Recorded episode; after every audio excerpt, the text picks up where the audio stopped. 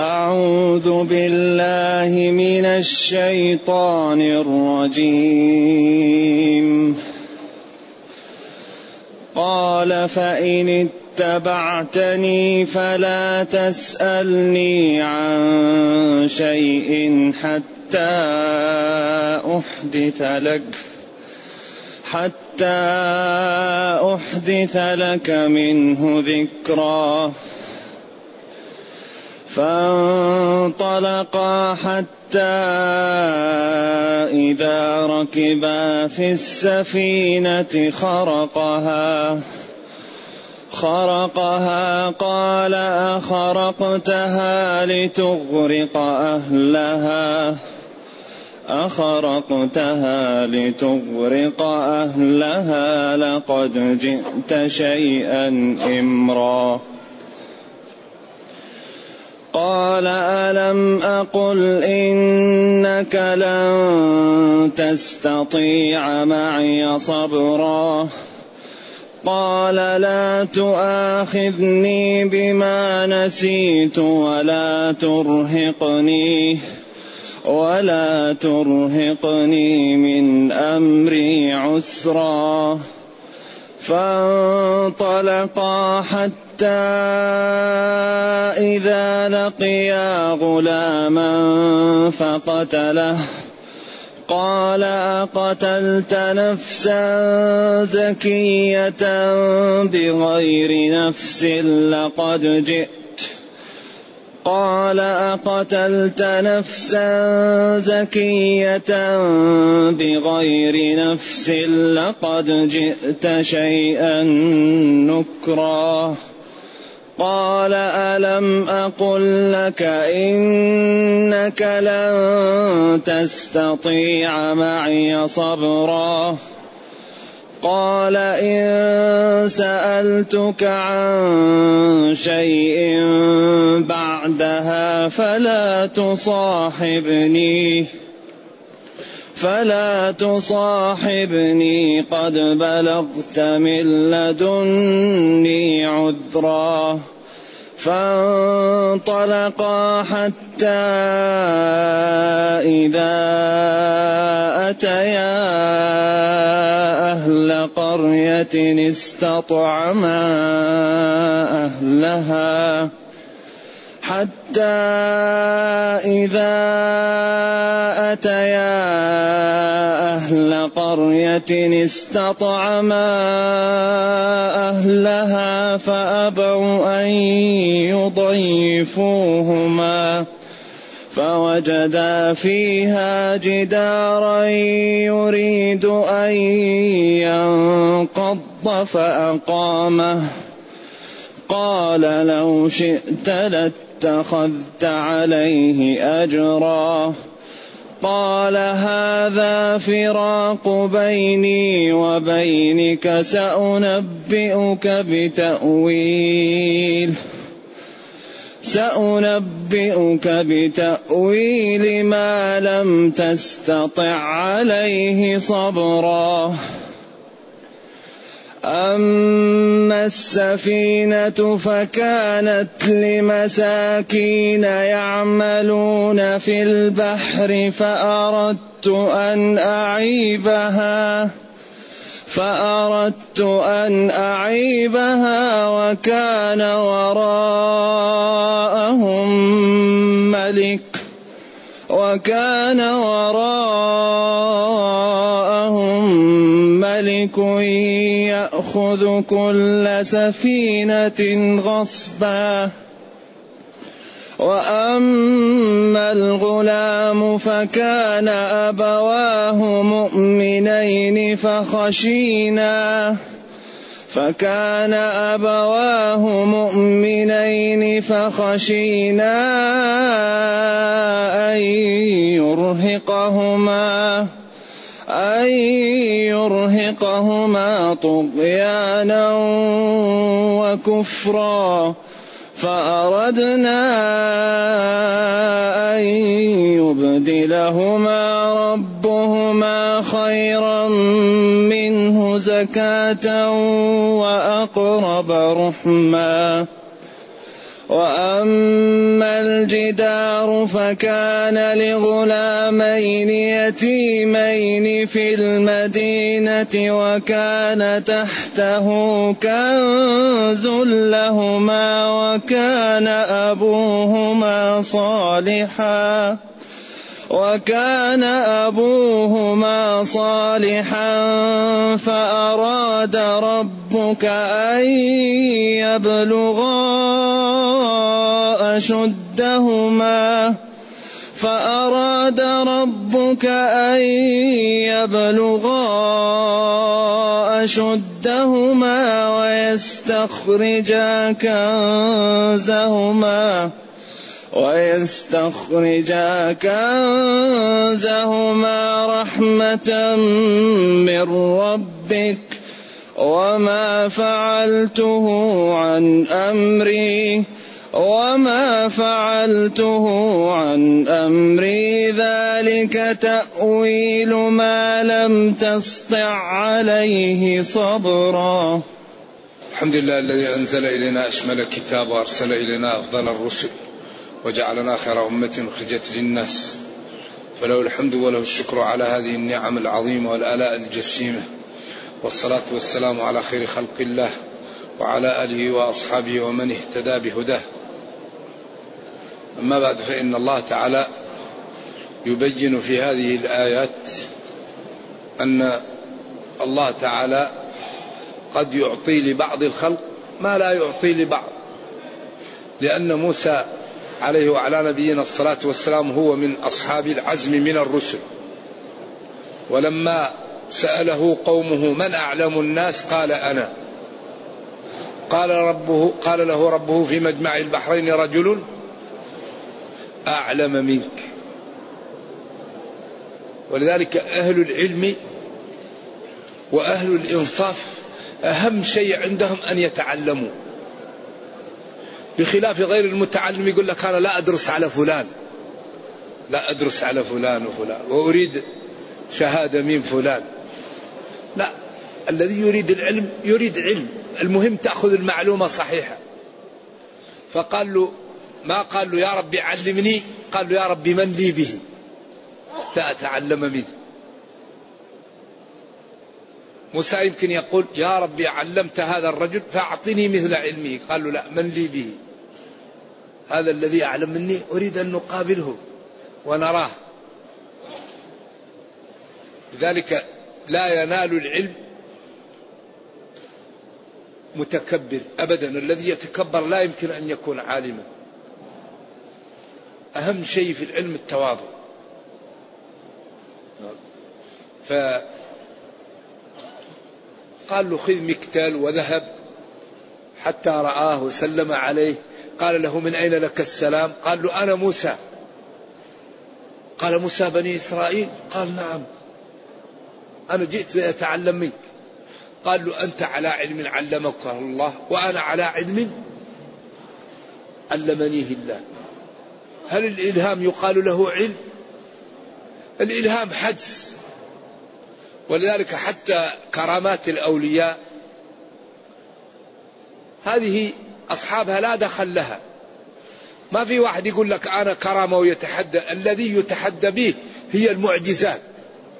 الفرق بين الكرامة والمعجزة أن المعجزة أمر خارق للعادة جالب للسعادة مقرون بتحد بدعوى النبوة.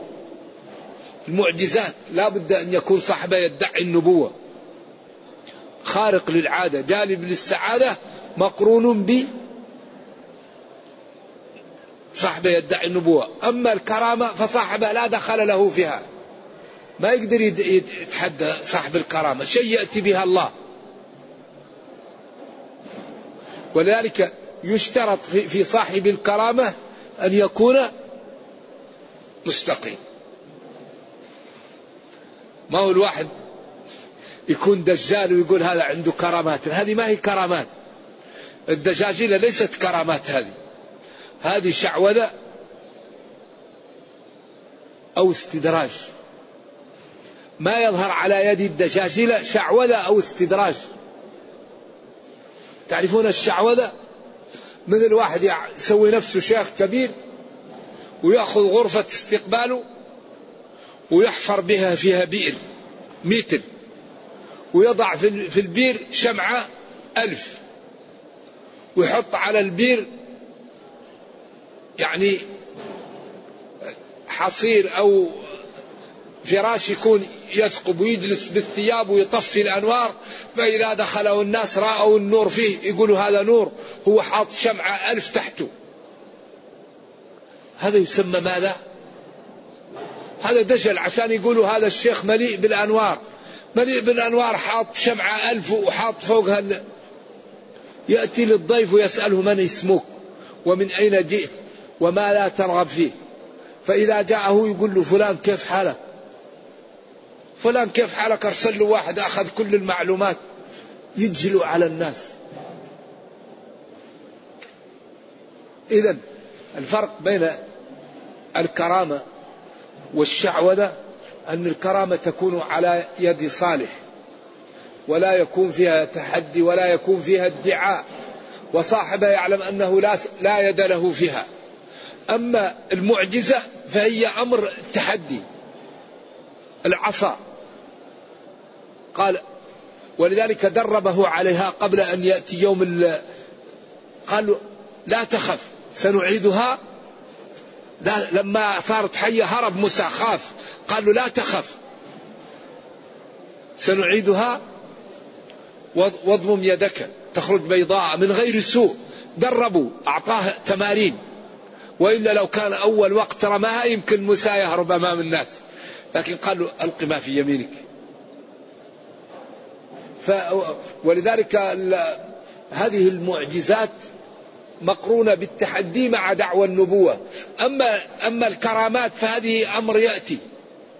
ولذلك كرامة الولي حق وظهر منها كثير كرسالة عمر لنيل مصر وسماع سارية منه الكلام في البلاد النائية وإن كان الخبر فيه ضعف. أيوة. يقال لا لكن الكرامات موجودة لكن ضابطها أن تظهر على من فيه حاجة ويكون مستقيما. إذا رأيت رجلا يطير وفوق ماء البحر قد يسير ولم يقف عند حدود الشرع فإنه مستدرج أو بدعي لا رأيت واحد يتأخر عن الصلاة يقع في أعراض الناس يظهر الفسوق ويقول هذا ولي. فين الولاية؟ هذا ما هو ولي لا لا. أولياء الله من هم؟ الذين آمنوا؟ كانوا يتقون هذا هم الولاية. هم الذي تظهر أما الذي يكون يتظاهر بالفسوق ويقول هذا ولي. لا الذي يتظاهر بالفسوق ما هو ولي ولا كرامة. أبدا. الذي يظهر الفسوق نقول ولي إذا كان ولي الشيطان. أما أولياء الله يظهر منهم ما لا التقى والاستقامة. ولذلك من أخطر ما تواجه الدعوة والدعاة أن يتصدى للدعوة. ولإبلاغ الناس من هو غير كامل في ظاهره لأنه يعطي للمسلمين دينا مشلولا. وما أريد أن أخالفكم إلى ما أنهاكم عنه. أول ما ينبغي أن يقوم به الداعية أن يكون مستقيما. أما أن يكون الداعية يظهر الفسوق وهو يدعو الناس تدعو الناس لماذا؟ أول شيء لابد أن تكون أنت مقبول ولذا هذا خطير الذي يكون على خلاف وانحراف ويدعو الناس يعلمهم دينا مشلولا يعلمهم دينا ناقصا. ذلك أهم شيء في الدعوة أن يستقيم الداعية ولذلك قال له قال له أريد أن ندعو. قال له إن سلمت من ثلاث آيات. قال له أريد أن نقوم بالدعوة. وما أريد أن أخالفكم إلى ما أنهاكم عنه. وما أريد أن أخالفكم إلى ما أنهاكم عنه. ننهى عن شيء أتأمرون الناس بالبر؟ وتنسون أنفسكم. كبر مقتا عند الله أن تقولوا ما لا تفعلون. إذا أهم شيء في الدعوة والدعاء أن الواحد يستقيم. نحن المغيبات ما لنا شغل فيها. لأن المغيبات هذا علم الباطنة بين العبد وبين من؟ وبين الله. لكن نحن الذي نسأل عنه الله. رجل معلق قلبه بالمساجد. ولا شك أن كل إناء بالذي فيه ينضح. ومهما تكن عند امرئ من خليقة وإن خالها تخفى على الناس تعلمي. البعرة تدل على البعير. مهما كان كل إنسان سيظهر حقيقته. مهما تستر مهما تستر سيظهر. ولذلك المنافقون ولتعرفنهم في لحن القول. ماذا قال آنفا؟ والذي فيه حق سيظهر. إذا يقول تعالى قال له أنا أريد أن نتعلم منك. قال له أنت على علم علمكه الله وأنا علم علمنيه الله. وحي. ما هو سر. هذا علمه الله علم وهذا علمه علم وهذا أخبره بمغيبات وموسى لا يعلم عنها وهذا عمل بنتائج أمور علمها وهذا أنكر بأمور ظاهرها لا يجوز. ولذلك أعطى الخضر لموسى درسا في أمور وبين الله تعالى لخلقه أن الخضر كان عنده علم ليس عند موسى. قال له فإن اتبعتني فلا تسألني فلا تسألني. كل قراءة سبعية وكل صحيح. عن شيء مما أفعله حتى أخبرك بنتائج ذلك ولم فعلته. إن اتبعتني ومشيت معي فلا تسألني. لما فعلت؟ حتى أخبرك بما فعلته وأحدثك بذلك الأمر. إن لم أخبرك به فلا تسألني. قال له قبلت؟ قال قبلت. فانطلقا قالوا على شاطئ البحر وجاءت سفينة فعرفت الخضر وحملوه من غير نول. هكذا قالت الروايات. فلما ركب الخضر فيها أخذ فأسا وبدأ يقص ألواح السفينة. وهما في اللجة فموسى قال له أخرقتها لتغرق أهلها؟ إنكار. ناس حملونا من غير أن يأخذوا منا أجرة. وأنت تريد أن تفسد عليهم سفينتهم؟ هذا منكر هذا إمر هذا شيء عظيم. لا يقبل ولا يرضى. قال له أنا ما قل إنك ما قلت لك. ما قلت لك أنك ما تستطيع. قال له لا تؤاخذني بما نسيت. قال العلماء حين نسي موسى. لا تؤاخذني بما نسيت. ولا ترهقني من أمري عسرا. لا تلبسني وتغشني من ذهابي معك حرجا وضيقا. يسر علي وسهل علي. فهذا أمر أنا نسيته ولا ولا قال فانطلقا مشوا حتى إذا لقيا غلاما يقال مع الغلمان يلعب بريء ما عنده مشكلة. فجاء الخضر وقتلوا سواء ذبحوه أو قلع رأسه. أجل رأسه قلع. هنا طبعا موسى ما أظن نسي قال له منكر قتلت نفس. زكية مسلمة أو معصومة أو غير مكلفة أو لم تفعل شيء. لأن النفس عظيمة. ولذلك لا يوجد شيء في الدنيا أخطر ممن يقتل إنسان بريء وبالأخص مسلم. ولذا كان لابن عباس رأي. يقول إن الله لا يغفر أن يشرك به ولا من قتل نفسا مؤمنة ويغفر ما دون ذلك لمن يشاء. إن الله لا يغفر أن يشرك به ولا من قتل نفسا مؤمنة. ويغفر ما دون ذلك لمن يشاء ويقول والله ما نسخت هذه آية لأن آية النساء مدنية وآية الفرقان مكية. وآية النساء متأخرة. ولذلك قال ويقول ومن يقتل مؤمنا متعمدا فجزاؤه جهنم. خالدا فيها وغضب الله عليه ولعنه وأعد له عذابا عظيما. لا يزال المسلم في فسحة من دينه ما لم يصب دما حراما. ولكن الجمهور قالوا في الكلام مقتضى. ومن يقتل مؤمنا متعمدا فجزاؤه جهنم إن جازاه الله. إن جازاه. أما الله إن غفر له وتجاوز عنه وهذا قول الجمهور. ويقال أن ابن عباس رجع عن هذا الرأي. إذا قال له هذا لا طاقة به. نفس معصومة من غير نفس. لقد جئت شيئا نكرا نكرا. وهذا كثير نكر ونكر. كلهم قراءة سبعية وصحيح. ولا يختلف المعنى. قال له ألم أقل لك؟ هنا أولا إنك هنا ألم أقل لك إنك لن تستطيع معي صبرا. قال له معلش. خلاص واحدة اصبر لي واحدة وبعدين إن عملت خلاص أفترق معك. فانطلقا حتى إذا أتيا أهل قرية نزلا عند أهل قرية استطعما أهلها يعني طلبوهم الضيافة استضافوهم.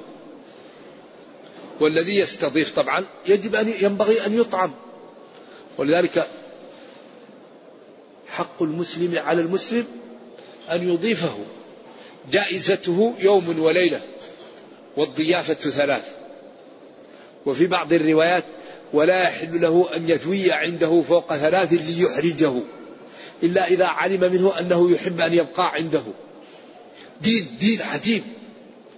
جائزته يوم وليلة ذبائح وإكرام وضيافة ثلاثة أيام وبعدين بنادم ينتبه. يعني بعدها خلاص. إلا إذا علم من أخيه أنه يريد. ديننا كل شيء فيه كل شيء مبين فيه. استطعم أي طلب الطعام يعني استضافه. هذه أهل القرية الظاهر أنهم كانوا ناس مروءتهم فيها قلة. فأبوا أن يضيفوهما. ما استضافوهم ولا قاموا بالواجب. فوجد الخضير جدارا. جدارا يريد أن ينقض. هنا كلام طويل عريض للعلماء. هل للجدار إرادة حتى يريد أن ينقض؟ من العلماء من قال هذا توسع في العبارة. كالوالد وابن القيم وبعض الأقوال للشيخ ابن تيمية ومنهم من قالوا هذا يسمى مجاز. والمجاز هو استعمال اللفظ في غير ما وضع له لعلاقة مع قرينة مانعة من إرادة المعنى الأصلي المجاز قرينته مانعة من إرادة المعنى الأصلي والكناية قرينتها مجوزة ما هي مانعة.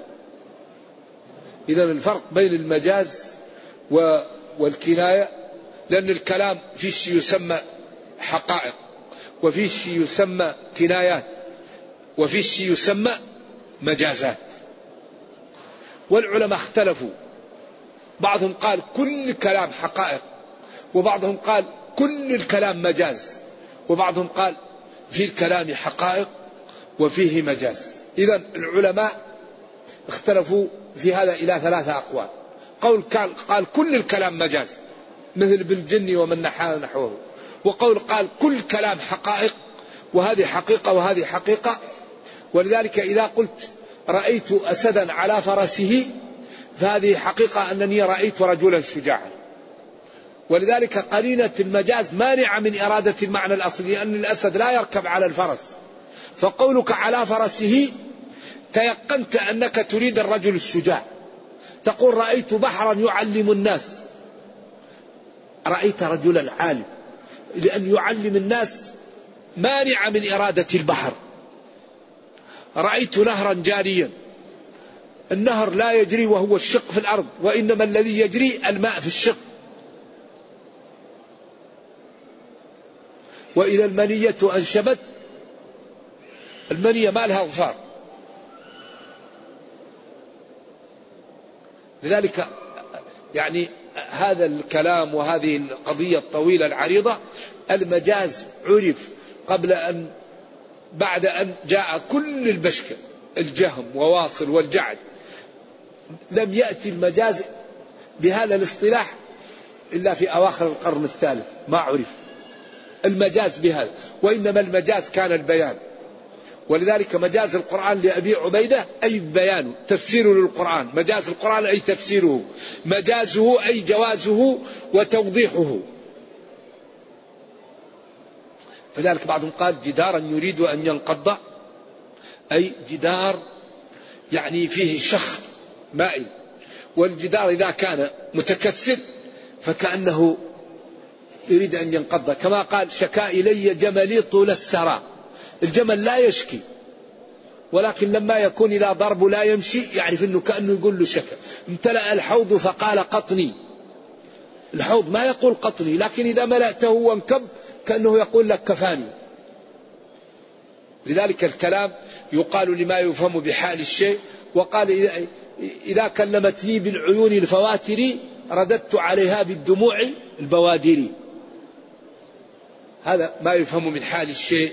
ولذلك امرؤ القيس يقول فقلت له لما تمطى بصلبه وأردف أعجازا وناء بكالكليم وليل كموج البحر أرخى سدوله علي بأنواع الهموم ليبتلي. فقلت له لما تمطى بصلبه وأردف أعجازا. الأعجاز الإلية إذا كانت كبيرة. وناء بكلكل الكلكل هو المحل الذي يبرك عليه الجمل. إذا الليل له كلكل وله أعجاز. هذه هذا بلسان عربي مبين. فذلك أطلب من طلاب العلم أنهم قبل أن يقبلوا أو يرفضوا يتعلموا. أي واحد يريد أن يقبل يتعلم يريد أن يرفض يتعلم ويسكت حتى يعلم لأن الحكم على الشيء فرع عن تصوره. نقول فيه مجاز ما فيه مجاز. نقول لا يوجد إلا حقائق. لا يوجد إلا مجازات. أول شيء نتعلم ما المجاز ما الحقيقة ما الكناية. فإذا تعلمنا نقدم على بصيرة. إن أحببنا هذا الرأي إن أحببنا هذا الرأي المهم أن طالب العلم يسكت حتى إيش؟ حتى يتعلم. ولا تقف ما ليس لك به علم. من حسن إسلام المرء الشيء ما يعرف الإنسان لا يدخل فيه. لذلك الشاعر يقول إذا ما قتلت الشيء علما فقل به ولا تقل الشيء الذي أنت جاهله فمن كان يهوى أن يرى متصدرا ويكره لا أدري أصيبت مقاتله فمن كان يهوى أن يرى متقولا متصدرا ويكره لا أدري أصيبت مقاتله والكل من أهل المناحي الأربعة يقول لا أدري.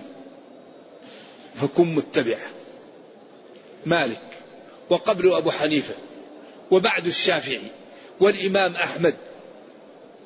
وكل العلماء إذا ما عرفوا يقول لا أدري. ونبينا لما سئل قال حتى ينزل علي الوحي. لما سألوه عن الروح وعن هذه الآيات اللي نحن نتلوها قال لهم غدا أخبركم الله قال ولا تقولن لشيء إني فاعل ذلك غدا إلا أن يشاء الله واذكر ربك إذا نسيت. إذا نسيت أن تقول إن شاء الله فقل إن شاء الله. ثم جاءه ذلك كان إذا لم ينزل عليه الوحي يسكت.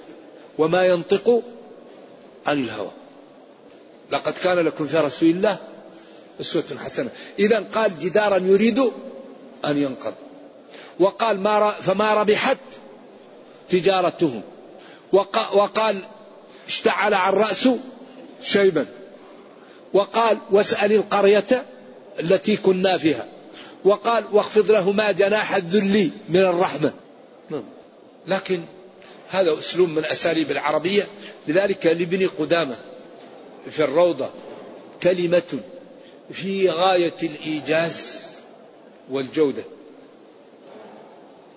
قال من أنكر هذا الأسلوب فهو مكابر. ومن قال هو حقيقة لا مشاحة في الاصطلاح. كلمات موجزة في غاية الجودة. من أنكر هذا الأسلوب فهو مكابر. ومن قال هو حقيقة لا مشاحة في الاصطلاح. ولذلك الوالد رحمة الله علينا وعليه وعلى علماء المسلمين لما ألف رسالته منع جواز المجاز في المنزل للتعبد والإعجاز بناها على أصلين. الأصل الأول أن ما كل ما يجوز في اللغة العربية يجوز في القرآن. الأصل الثاني أنهم لما عرفوا المجاز قالوا كل مجاز يجوز نفيه. إذا على هذين الأصلين قال لا ينبغي أن نقول إن في القرآن مجازا على هذا الاصطلاح. لأنهم قالوا كل مجاز يجوز نفيه لأنك إذا قلت رأيت رجلا أسدا على فرسه تقول كذا ما هو أسد؟ رجل شجاع. تقول رأيت بحرا يعلم الناس ما هو بحر؟ رجل عالم. إذا كل مجاز يجوز نفيه ولا شيء من القرآن يجوز نفيه. ينتج من الشكل الأول لا شيء من القرآن بمجاز. إذا هم قالوا كل مجاز يجوز نفيه ولا شيء من القرآن يجوز نفيه ينتج لا شيء من القرآن بمجاز. لكن بعض العلماء يقول لك لا ما كل مجاز يجوز نفيه ولا يجوز نفيه لأن القرينة منعتك من أنك تريد المعنى الأصلي وإنما تريد المعنى الجديد. الأمر الثاني أن في أساليب اللغة العربية أمورا جميلة عند الشعراء والأدباء ويستحسنونها ولا يجوز أن نقول إنها في القرآن. من ذلك الإيغال الغلو. اللي يقول وأخفت النطف التي لم تخلقي كيف النطف التي لم تخلق تخاف؟ هذا كذب. ويقول كفى بجسمي نحولا أنني رجل لولا مخاطبتي إياك لم ترني. هل واحد يصغر يصغر يصغر من النحول حتى إذا لم يتكلم لا تراه هذا كذب هذا. حتى الذر يرى. الحصى يرى. كيف هو رجل ينحل ينحل حتى أنه لنحلته إذا لم يتكلم لا ترى. هذا معروف أنه كذب. إذا هذا لا يجوز أن يكون في القرآن الغلو. وكذلك الرجوع. وهو من البديع المعنوي. وهو أن يقول الشاعر قولا. ثم يرجع له عقله فينقض قوله كقوله قف بالديار التي لم يعفها القدم. بعدين رجع له قول عقله فنقض قوله فقال بلى وغيرها الرواح والديم. قف بالديار التي لم يعفها القدم؟ هذا قاله في حالة ذهول. ثم رجع له عقله فنقض كلامه فقال بلى وغيرها الرواح والديم وهذا مذهب الرجوع وهو من البديع المعنوي جميل لكن هذا لا يجوز أن نقول في القرآن مثل هذا. إذا ما كل ما يجوز في أساليب العربية يجوز في القرآن. القرآن كلام الله وهو معجز وقوله الحق ولذلك نقول هذا أسلوب وهذا أسلوب وهذا حقيقة ولا مشاحة في الاصطلاح. نعم. إذا هذا الجدار الذي كان لأيتام وكان آيل للسقوط جاء الخضر وأصلحه. سواء قلنا هده وبناه أو بقدرة الله حركه بيديه حتى استقام. فقال موسى لو اتخ... لو شئت لاتخذت أو لاتخذت عليه أجرا. خلاص ظاهر من الخضر وصل. قال له هذا فراق بيني وبينك. ثلاثة يكفي. وبعدين سأخبرك بحقيقة ما لم تفهمه ما لم تستطع عليه الخبرة ما لم تفهم حقيقته. سأعطيك الآن نتائج ولم فعلت هذا. وستعلم حقيقة أن عندي علم أني أعلم منك. بلازم هذا الأمر. أما السفينة السفينة معروفة. فكانت لي مساكين. جمع مسكين. يعملون في البحر. ملاحة أو حواء أو, أو, أو, أو, أو تجارة أو ما أدري. يعملون في البحر. هاي السفينة يشتغلون بها في البحر. فأردت أن أعيبها. وهنا وقفة مع المساكين ومع السفينة. ولذلك قال إنما الصدقات للفقراء والمساكين. إذا قالوا المساكين أحسن من الفقراء لأن الفقراء أحسن حالا من الفقراء لأن الفقراء إيش؟ قدموا ولأن السفينة لهم وهم مساكين إذا حالهم أحسن من حال ما لا الفقراء. لأنه قال إنهم فقراء وأثبت لهم سفينة. ولما أراد أن يجمعهم قال إنما الصدقات للفقراء والمساكين. قدم عليهم الفقراء. بعض العلماء قال لا حال الفقراء أضعف. لأن المساكين أما الحلوبة التي كانت قال عنده حلوبة وسماها إيش؟ الفقير. أما الفقير الذي كانت حلوبته سماه فقير وعنده حلوبة وهي الإبل التي تكفي أولاده تكفي أولاده في في شرب الحليب. إذا سماه فقير وعنده حلوبة. إذا المسكين أحسن. واختيار ابن جرير أن المسكين والفقير تعبير لشيء واحد إلا أن الفقير يتعفف والمسكين يتعرى نعم. وهذا الكلام جميل إذا سلم له. أن الفقير والمسكين تعبير لصنف واحد إلا أن الفقير يتعفف. قال يحسبهم الجاهل إيش قبلها يحسبهم الجاهل أغنياء من التعفف. الفقراء الذين أحصروا في سبيل الله لا يستطيعون ضربا في الأرض يحسبهم الجاهل أغنياء من التعفف. الجاهل الذي لا يفهم يراه يعني صاد عن الناس فيقول هذا غني هو لشدة التعفف. أما المسكين فهو الذي يعني صعب عليه الاحتياج فتعرض للناس وسكن لهم ليعطوه. إذا الفقير والمسكين تعبير لشيء واحد إلا أن الفقير يتعفف والمسكين قد يتعرض. ولذلك قال أطعموا القانع والمعتر. أطعموا أبذلوا القانع المتعفف والسائل. والمعتر على أصح التفاسير الواسطة بينهما. هذا التعبير رائع. أطعم القانع. القانع اسم فاعل من قنع وقنع قنع إذا تعفف وقنع إذا سأل العبد حر إن قنع والحر عبد إن قنع فاقنع ولا تقنع. فما شيء أن يسين سوى الطمع. إذا أطعموا السائل. وأطعموا المتعفف. وأطعموا الواسطة بينهما. الذي لا هو سائل ولا هو متعفف. يظهر لك رأسه بس ويمشي أمامك واللبيب بالإشارة يفهم. ولذلك هو المعتر. قال الذي يتعرض لا يسأل ولا إيش؟ واسطة بينهم. أطعموا كل من أراد من احتاج. سواء كان متعففا أو سائلا أو متعرضا. الجميع الواسطة بينهم. لذلك ما رأيت أجمل من هذا الدين. وأحسن. دين الإسلام دين رائع.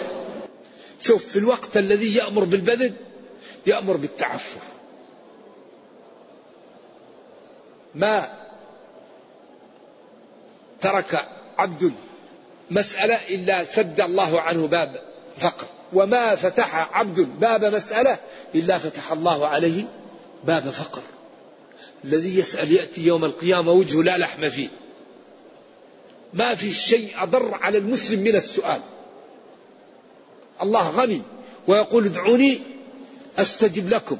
يده سحاء ملآء وأمر بالتسبب. قال اعملوا فسيرى الله عملكم. تعاونوا. الطير تمشي تصبح خماس وتروح بطان فالمسلم ينبغي أن يتسبب ولا يجلس. ولا يتعرض ولا يسأل ولا يذل نفسه. آخر المكاسب السؤال. يسأل عبد الرحمن بن عوف قال دلوني على السوق. لأن يأخذ أحدكم فأس ويحتطب. خير له من سأل الناس أعطوه أو منعوه. لا يوجد شيء أضر على المسلم من السؤال. لا تسألن بني آدم حاجة واسأل الذي أبوابه لا تحجب. الله يقول ادعوني أستجب لكم. مسلم يبيع يشتري يحمل ولا يسأل الناس. سؤال الناس هذا آخر المكاسب. أضر ما يضر المسلم السؤال. صحيح أنه يجوز للمسلم إذا إذا احتاج ولم يجد يجوز له أن يسأل. لكن ما في أحد قال واجب ولا سنة ولا ندب.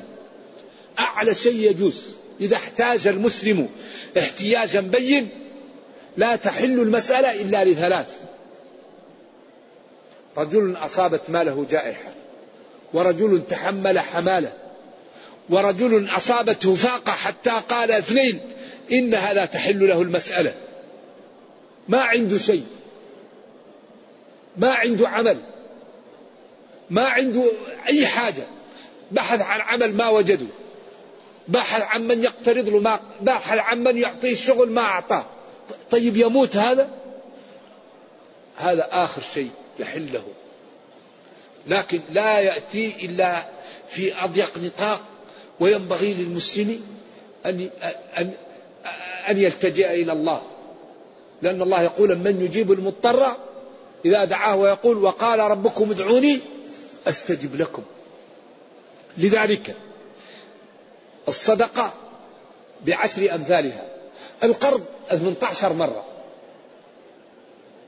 لذلك ينبغي للمسلمين أن يتعاونوا يكون عندهم آه، مؤسسات للقرض الحسن. القرض 18 درجة الصدقة عشرة. من جاء بالحسنة قالوا لأن القرض ما فيه منة. أنت إذا استقرضك شخص وأقرضته ما فيه منة. القرض لأنه يرد لك. قالوا 18 ثمانية عشر. أما الصدقة عشر. فذلك حري بنا أن تكون لنا نجمع لنقترض الضعيف ونحاء المحتاج ويكون لنا والذي عنده أهلية ما نخلي أحد بيننا عاطل. نتعاون. أي واحد عاطل تعال يا أخي. تريد نعمل له محل في السوق نعمل له أي محل. تريد أن تكون حمال تريد أن تكون بالله عليكم أيهم أحسن؟ واحد يكنس الشارع أو واحد يسأل؟ الذي يكنس الشارع أليس هذا شرف؟ واحد يكنس الشارع ليسد جوعته وجوعة عياله وليقيم بالواجب عليه مثل واحد يسأل الناس؟ ليس ليس في العمل عيب. لا ينقص الكامل من كماله ما جر من نفع على عياله. لكن العيب الإنسان يكون ينفق عليه الآخرون وهو عالة على على المجتمع. أما الذي يشتغل أي شغل هذا ليس عيب. بل العمل باليد أفضل من العمل بالعلم أو العمل بال... بال... بالعلم لأن العمل باليد لا يدخل فيه المدا... أصحاب الديون. كان داود يأكل من كسب يده يقول أما السفينة يقول يقول أما السفينة فكانت لمساكين يعملون في البحر فأردت أن أعيبها فأردت أن نجعل فيها عيبا يمنعها من أن يأخذها الملك الذي في طريقها وكان يأخذ كل سفينة سالمة غصبا بقوته. ملك ما خاف الله وبعدين كل سفينة يراها جميلة ما فيها شيء يأخذها أما السفينة الذي فيها عيب لا يأخذها. كان يأخذ كل سفينة سالمة. فأردت أن أعيبها لتسلم للمساكين من أخذ الملك. إذا أنا عبتها لغرض ولمنفعة لأصحابها ما عبتها لأفسدها. إذا أنت يا موسى هذا تجهله. وأما الغلام فكان أبواه مؤمنين. وقد علم الخضر بعلم الله له أن هذا إذا عاش يسبب لوالديه كفر وضياع. فأردت أن نستخلصهما منه ويزول الألم عنهم ويجدوا الأجر ويكونون من أهل الجنة. وأما الغلام فكان أبواه مؤمنين فخشينا أن يرهقهما طغيانا وكفرا. وهذا كان على شقاء وكان على فساد. وإذا عاش معهما لحبه ما له قد يوقعهما في الهلك. فأراد ربك فأردنا أن يبدلهما ربهما خيرا منه زكاة أو يبدلهما ربهما خيرا منه. قيل بنت وقيل ولد. زكاة يعني طهرا وأقرب رحما. إذا هذا الولد لو بقي مع والديه لأوقعهما في ورطة. فأردنا أن الله تعالى يخلصهما منه. لما علمنا الله.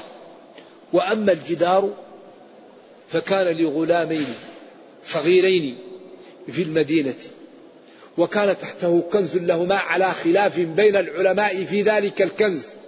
هل هو ذهب أو فضة؟ أو هو لوح مكتوب فيه حكم ولكنه من الفضة. أما الذي الذين قالوا إنه علم فقط فالكنز يمنع ذلك. لأنه لو كان ذلك لقال كان تحته كنز علم وقيد. كما قال آيتك أن لا تكلم الناس ثلاثة أيام إلا رمزا. لأنه لو لم يقل رمزا لكان الكلام بالصوت والحرف. لأن الكلام في اللغة لا يقال إلا بالصوت والحرف. أما إذا كان بغير ذلك لا بد أن يقيد. كلمتني بالعيون. رددت عليها بالدموع. آيتك أن لا تكلم الناس ثلاثة أيام إلا رمزا. امتلأ الحوض فقال قطني لأنه يعني لابد شكا إلي جملي طول السرى يعني فيما يفهم من حال الشيء. أما الكلام إذا قيل وسكت وسكت عنه لا يفهم منه إلا التكلم بالصوت والحرف. ولذلك تكلم ربنا كلام لائق بجلاله وكماله. لا أقول ألف لام ميم حرف ولكن أقول ألف حرف ولام حرف وميم حرف. نعم. فأراد ربك أن يبلغا أشدهما. أردنا أراد ربك. هذا تنويع الأساليب يجعل السامع يكون منشدا للمتكلم ولا يغيب عنه ويستوعب الكلام. لذلك القرآن يأتي بالكلام مخاطب وتلوين الأسلوب.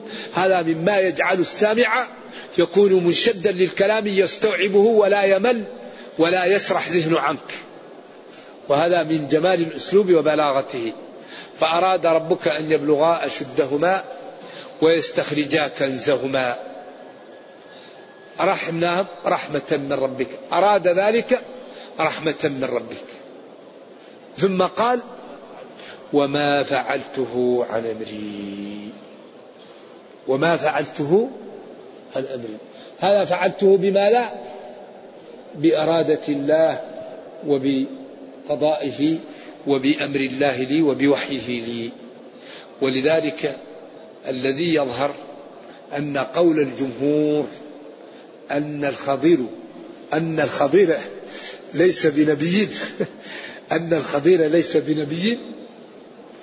أن هذه الآية صعب التخلص منها وما فعلته عن أمري. أي فعلت ذلك بوحي من الله وظهر لموسى بالعيان أن الخضير كان أعلم منه. صلوات الله وسلامه على الجميع. ذلك الذي ذكرت لك حقيقة ما لم تستطع علمه. ما لم تستطع عليه خبرا أي معرفة لأنك تعلم أمورا ظاهرة. والله تعالى علمني بأمور غيبية خفية وعلمك الذي عندك يجعلك لا تقبلها. وأنا أخبرني الله بها فأنت على هذا العلم وأنا علمني بهذه الأمور الغيبية. فأنت لا تستطيع أن تقبل هذه الأمور لأن الشرع الذي عندك يرفضها وأنا علمني الله بحقائق هذه الأمور وأعطاني من العلم ما ليس عندك فيها. ذلك تأويل ما لم تستطع ما لم تستطع عليه صبرا. ذلك تأويل حقيقة. الأمر الذي لم تستطع أن تصبر عليه أي تستطيع أي تستطيع عليه صبرا لأن في شرعك السكوت عليه لا ينبغي. ولذلك قال أخرقتها أقتلت نفسا زكية لو أن تطلب منهم الأجر لما تعمله لهم بأي حق؟ وهم لم يضيفونا وناس لا يحترموا لا يحترم الناس ولا ولا يستحق الإكرام. لم يضيفنا قالوا لو لو شئت لاتخذت عليه أجرا. لو شئت. لما لا تأخذ الأجر وهم لا يستحقون الإكرام؟ قال ذلك تأويل ما لم تستطع عليه صبرا. كل ينكر هو لا يصبر عليه. انتهت ال... نعم. نرجو الله جل بكرة عندنا يأجوج ومأجوج راجعوا هذا الموضوع لأنه غريب. هل هم أين هم؟ وكيف هم؟ وممن هم هم؟ وهل هم موجودون الآن؟ وهل هم تحت الأرض أو فوق الأرض؟ وأين مكانهم؟ راجعوا الموضوع هذا لأنه أمر عجيب فعلا. نرجو الله جل وعلا أن يرينا الحق حقا ويرزقنا اتباعه وأن يرينا الباطل باطلا ويرزقنا اجتنابه وأن لا يجعل الأمر ملتبسا علينا فنضل. سبحان ربك رب العزة عما يصفون وسلام على المرسلين والحمد لله رب العالمين والسلام عليكم ورحمة الله وبركاته.